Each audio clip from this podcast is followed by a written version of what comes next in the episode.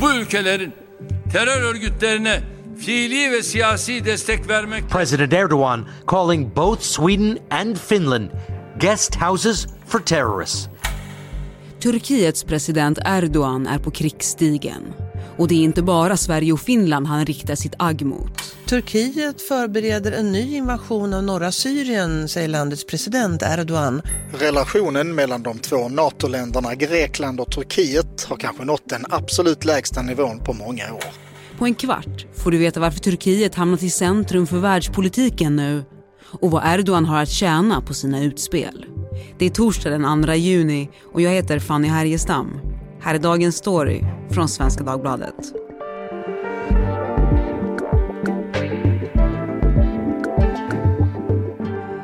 Bitte Hammargren, Mellanösternanalytiker knuten till Utrikespolitiska institutet. Du har ju följt turkisk politik i många år. Jag blev full i skratt här inför det här avsnittet när vi har pratat med varandra och du har sagt ah, ja men det kommer fortfarande hända så mycket innan vi väl spelar in. För så är det i, i turkisk politik. Är det så turbulent alltid? Ja, absolut. Det, man, man brukar säga att i turkisk politik så är en vecka, en kort tid, händer alltid något dramatiskt. Snabba skeenden. Och nu har ju blickarna varit riktade mot Ryssland och Ukraina den här våren kan man säga. Men, men Turkiet har ju seglat upp nu som en nyckelspelare i världspolitiken. Varför då?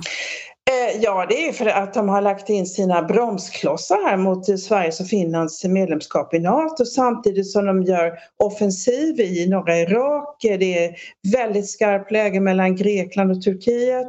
Det är en irritation mellan USA och eh, Turkiet fast det är ett NATO-land. Och Turkiet har ju, spelar ju på båda sidor när det gäller Ukraina-konflikten genom att man fortfarande har goda relationer till Ryssland, vill medla, inte delta i sanktionerna, samtidigt leverera vapen till Ukraina. Så Turkiet är med på alla fronter samtidigt som de försöker reparera relationerna med gamla fiendeländer i Mellanöstern, Förenade Arabemiraten och så vidare.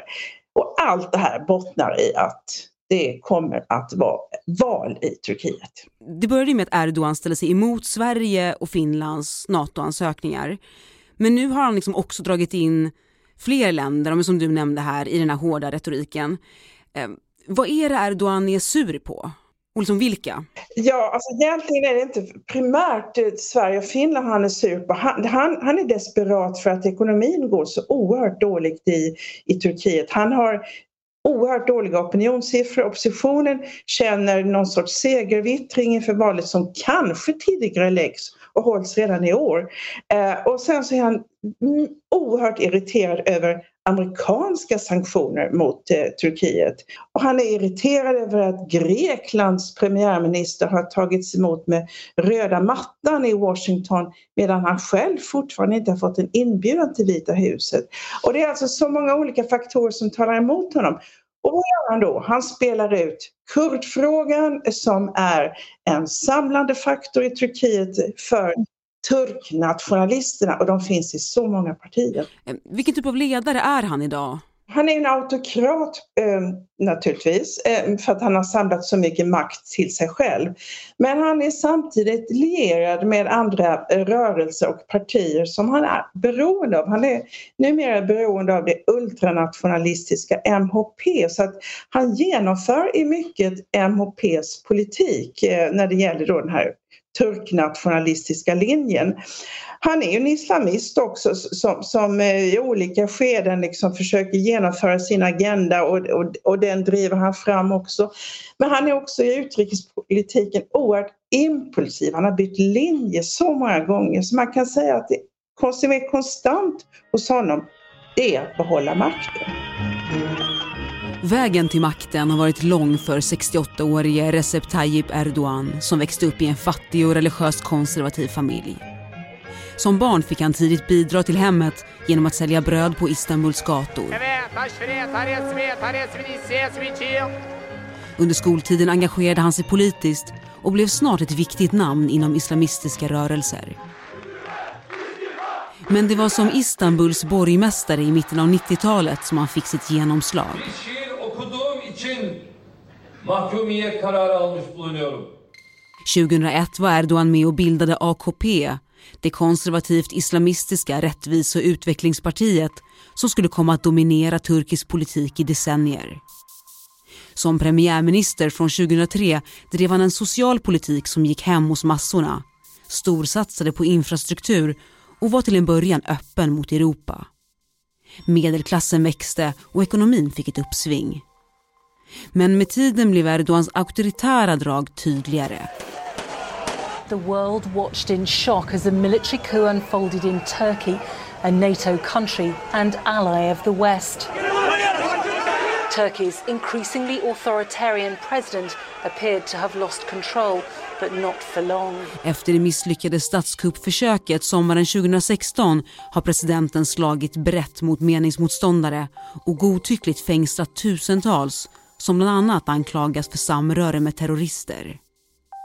Han beskrivs som maktlysten och med en ambition att förkroppsliga den starka nationalistiska ledaren. Något som ständigt hörs i hans retorik. Och Bitter, den här hårda tonen som Erdogan har, och den här drama queen-stilen. Han sa ju alldeles nyligen om, om Greklands premiärminister Mitsotakis att han existerar inte för mig längre. Är det här något nytt? Eller liksom brukar det låta så här i turkisk utrikespolitik? Ja, från Erdogans sida så låter det ofta så. Han har väldigt hård retorik. Han gör väldigt starka utfall så att hans diplomater får jobba ganska hårt med att försöka eh, hitta lösningar. Eh, för att han är maximalistisk och han har sånt här hårt språk för att det tilltalar en del av de väljare han vill samla bakom sig. Det här är gatans språk han eh, använder. Men det stänger hela tiden dörrar och komplicerar för Turkiet själv. För några år sedan kallade han till exempel ledarna i Tyskland och Nederländerna för nazister. Hej, jag Ryan Reynolds. På Mint Mobile, we like to do the opposite of what Big Wireless does. They charge you a lot we charge you a little. So naturally, when they announced they'd be raising their prices due to inflation, we decided to deflate our prices due to not hating you. That's right. We're cutting the price of Mint Unlimited from $30 a month to just $15 a month. Give it a try at mintmobile.com slash switch. $45 upfront for three months plus taxes and fees. Promote for new customers for limited time. Unlimited more than 40 gigabytes per month. Slows. Full terms at mintmobile.com. Eh, och en annan del som gör saker så komplicerade är det här med Syrienkriget. Hur spelar det in i allt som händer nu? Ja, eh, det, det har eh, jättestor roll i det hela för att Eh, Turkiet har ju varit en aktör i Syrienkriget men har bytt politik också många gånger.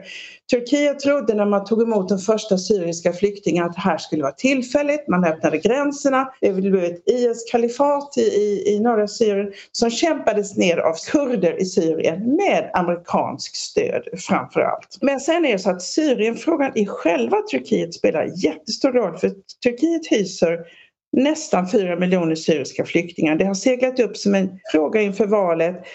Erdogan talar nu om att han vill utvidga den turkisk kontrollerade zonen i norra Syrien och eh, flytta syrier dit. Men det skulle ju betyda att, att det blir etnisk rensning för de, de syrier som finns i Turkiet de kommer inte från de områden som Erdogan vill ta kontroll över. Eh, och vi, ska, vi ska hålla oss kvar lite till vid utrikespolitiken bara och gå in på alltså Putin och Ryssland. Det har ju du sagt till mig att det där vill du gärna beskriva, för det finns något intressant där. Turkiet och Ryssland var faktiskt nära krig eh, eh, 2015 på hösten när Turkiet eh, sköt ner ett ryskt stridsflygplan på gränsområdena till Syrien. Sen, några månader senare, på våren 2016, försommaren, så kom Erdogan plötsligt med ett, en ursäkt, oförbehållsam ursäkt till Ryssland. Strax efter det ägde det misslyckade kuppförsöket rum i Turkiet och Putin var den första att gratulera Erdogan för att det slogs ned. Sen efter det så blev det väldigt varma relationer mellan Erdogan och Putin. Och det som ju överraskade många det var ju att eh, Turkiet köpte det ryska luftvärnssystemet S-400 som ju kan användas för att spionera på hela NATO-systemet. The S-400 is a Russian missile defense system. Turkey is still a NATO member. Um, and the uh, U.S. and NATO allies have warned that there would likely be additional sanctions on Turkey if they continue to press forward with purchasing and now activating the system. And it looks like they've taken that step. Det har ju lett då till ökade sanktioner mot Turkiet ifrån USAs sida och det är det som också Erdogan drabbas av nu. Men man kan ju undra, kan det vara så att Putin har någon hållhake på Erdogan? Ja, när man tittar på den turkiska politiken så är det lätt att dra den slutsatsen med det här märkliga köpet av det ryska luftvärnssystemet S-400. Vilket gjorde att Ryssland kunde driva in en kil i NATO. Och sen så kan man säga att när Turkiet ändrade politik i, i Syrien och inte längre primärt är ute efter att få Assad-regimen på fall utan att bekämpa kurderna så har de hittills gjort tre inmarscher sedan eh, sommaren 2016 och inga av dem hade kunnat äga rum utan Rysslands medgivande. Och på samma sätt, om Turkiet är på väg att göra en fjärde inmarsch nu så måste det ske med Rysslands tysta medgivande. Och syriska oppositionssajter gör gällande att ryska eh, trupper håller på att dra sig tillbaka från de områden där Turkiet kanske skulle göra sin nya intervention. Nu har vi då varit inne på utrikespolitiken men många menar ju att Erdogan gör de här utspelen också för att ta fokus från det knepiga läget på hemmaplan. Inte minst ekonomin. Eh, inflationen är skyhög i Turkiet. Bitte, berätta, hur illa står det till? Jo, men alltså, de som är eh, de mest utsatta har det förfärligt svårt. Man talar nu att inflationen är när det gäller livsmedelspriserna runt 100 procent. Och det betyder ju att de mest utsatta de skuldsätter sig upp över öronen. Jag tänker på en kvinna jag träffade som skulle få ett deltidsjobb, ensamstående mamma. Jag frågade henne vad ska du göra nu när du, när du får en lön? Och då sa hon med alldeles förgrämd att jag får bara försöka beta av alla skulder jag har. Många har inte råd att ha någon el, de får leva utan elektricitet. Och det använder ju naturligtvis eh, oppositionen i, i, för att mobilisera väljare också och de menar att eh, presidentpalatset, det vill säga Erdogan själv, att han är helt verklighetsfrånvänd, att han inte förstår hur människor har det när han säger att den som påstår att någon svälter i Turkiet ljuger.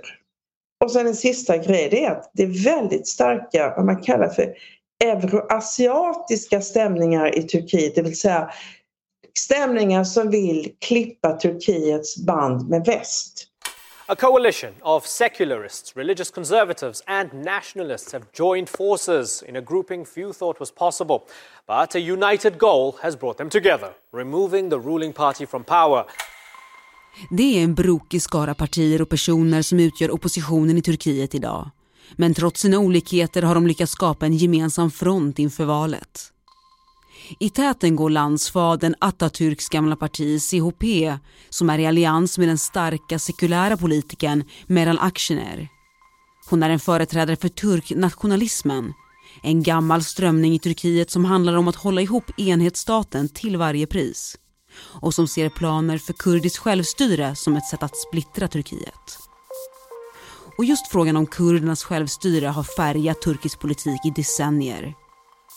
I en helt annan ände av oppositionen finns det så omtalade prokurdiska partiet HDP som hotas av partiförbud. Dess förre ledare sitter sedan länge i fängelse. Det för oss ju verkligen in på just eh, det som brukar kallas för kurdfrågan, en sån in, evig inrikespolitisk nöt i Turkiet. Varför har Erdogan ett sånt problem med kurderna? Alltså tidigare måste man säga att, att var det han eh, som försökte göra en öppning i den här frågan. Under hans ledarskap så, så inledde man en fredsprocess med kurderna. Man förde en dialog eller förhandlingar med PKKs ledare Öcalan på en fängelseö. Men han bytte linje, han bytte fot när han förlorade ett viktigt val i juni 2015. Och för att behålla makten så lierar han sig då med det här ultranationalistiska partiet MHP Och då bytte han linje. Så då, han valde kriget kan man säga mot eh, PKK som är den då gamla fienden för turknationalisterna. På det viset har alla de gamla motsättningarna flammat upp igen. Och det har ju varit tidigare strider inne i turkiska städer också. Eh, efter det att eh, fredsprocessen brakade samman.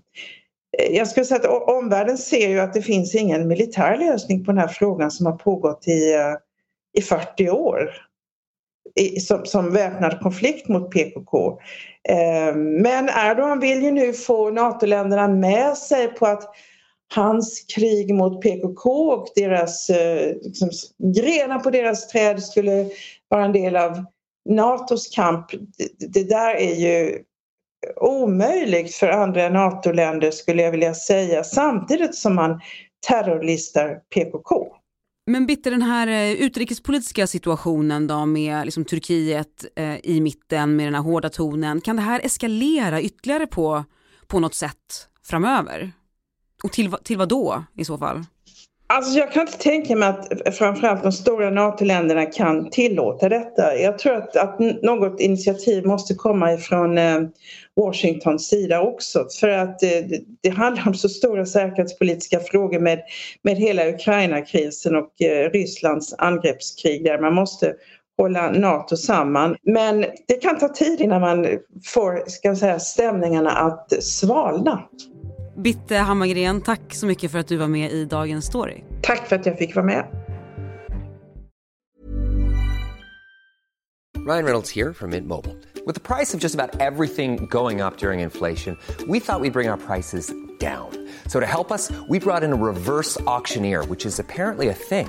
Mint Mobile unlimited premium wireless. Have to get 30, 30, bit to get 30, bit to get 20, 20, 20, bit to get 20, 20, bit to get 15, 15, 15, 15 just 15 bucks a month. So, Give it a try at mintmobile.com/switch. slash $45 up front for 3 months plus taxes and fees. Promo for new customers for limited time. Unlimited more than 40 gigabytes per month slows. Full terms at mintmobile.com. Vi som gjorde programmet idag är producent Kajsa Linderoth, redaktör Erika Hallhagen och jag heter Fanny Härgestam. Vill du kontakta oss så mejla till dagensstory.svd.se. Klippen idag kom från SR, NBC, Al Jazeera, AP, Sky News, Bloomberg, TRT och filmen Tintin et le mystère de la toison d'or.